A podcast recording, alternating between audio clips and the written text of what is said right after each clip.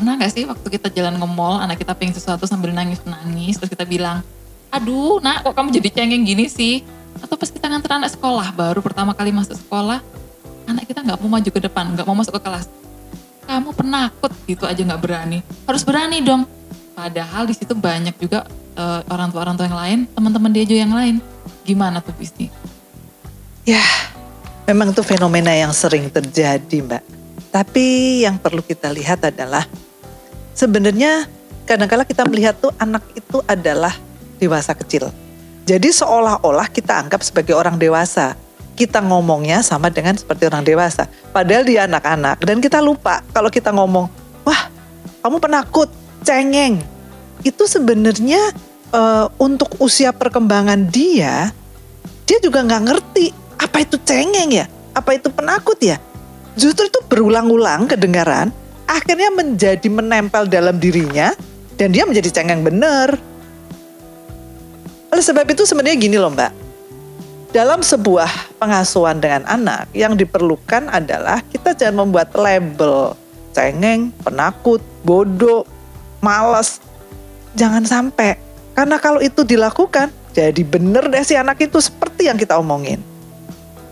Tadi kalau kita kan ngomongin yang nangis, penakut. Tapi kadang-kadang ketika kita membuat tadi ibu bilang label, kamu pasti pinter nak, kamu jadi anak pinter, kamu itu cocok jadi dokter. Itu termasuk label gak sih Bu? Ya. Positif kan ya? Ya, ya. Jadi label itu boleh dilakukan kalau itu positif. Jadi kenapa? Karena label itu akan masuk di dalam alam tak sadar kita dan itu menempel, akhirnya menjadi sebuah kenyataan. Misalnya gini, kalau teman-teman semuanya pernah melihat sebuah film gitu ya, dulu ada film Sidul Anak Betawi gitu ya itu dulu Benyamin itu kalau marah kamu kayak gubernur gitu. Akhirnya kan si Rano Karno jadi gubernur bener. Nah, gimana cara kita tip and trick? Tip, kita tuh harus hati-hati dengan mulut kita, terutama pada waktu marah.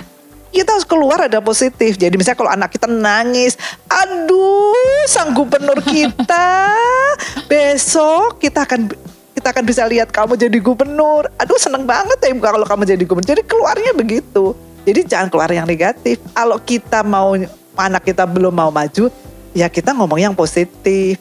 Misalnya kita mau jadi apa dia? Presenter handal kita belum siap ya, nggak apa-apa. Besok pasti lebih siap. Ibu akan selalu di sampingmu untuk menjagamu atau untuk menemanimu dan lain-lain. Jadi perkataan-perkataan ini yang harus kita siapin.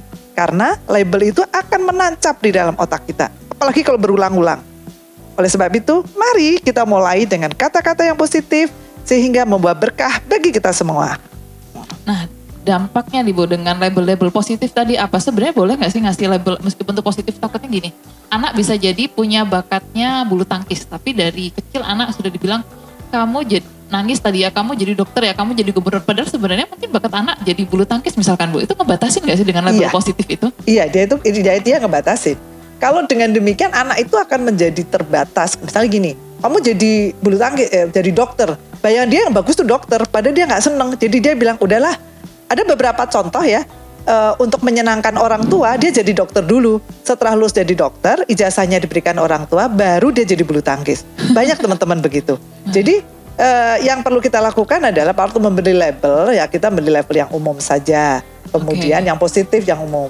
Karena ini akan kita akan membuat anak itu menjadi bahwa yang positif lah yang bagus. Kenapa? Karena secara langsung tidak langsung ya. Pemberian label itu akan mengubah cara melihat diri sendiri, mengubah cara orang tua memperlakukan anak dan membatasi dirinya sendiri kata Mbak Vita tadi. Hmm. Jadi, mari kita mulai bijaksana dengan apa-apa yang kita ucapkan. Ada sebuah kata-kata manis, apa yang omongan kita itu adalah doa kita. Hati-hati teman-teman, adik-adik dan kita semua sebagai orang tua dan ibu bagi anak-anak kita.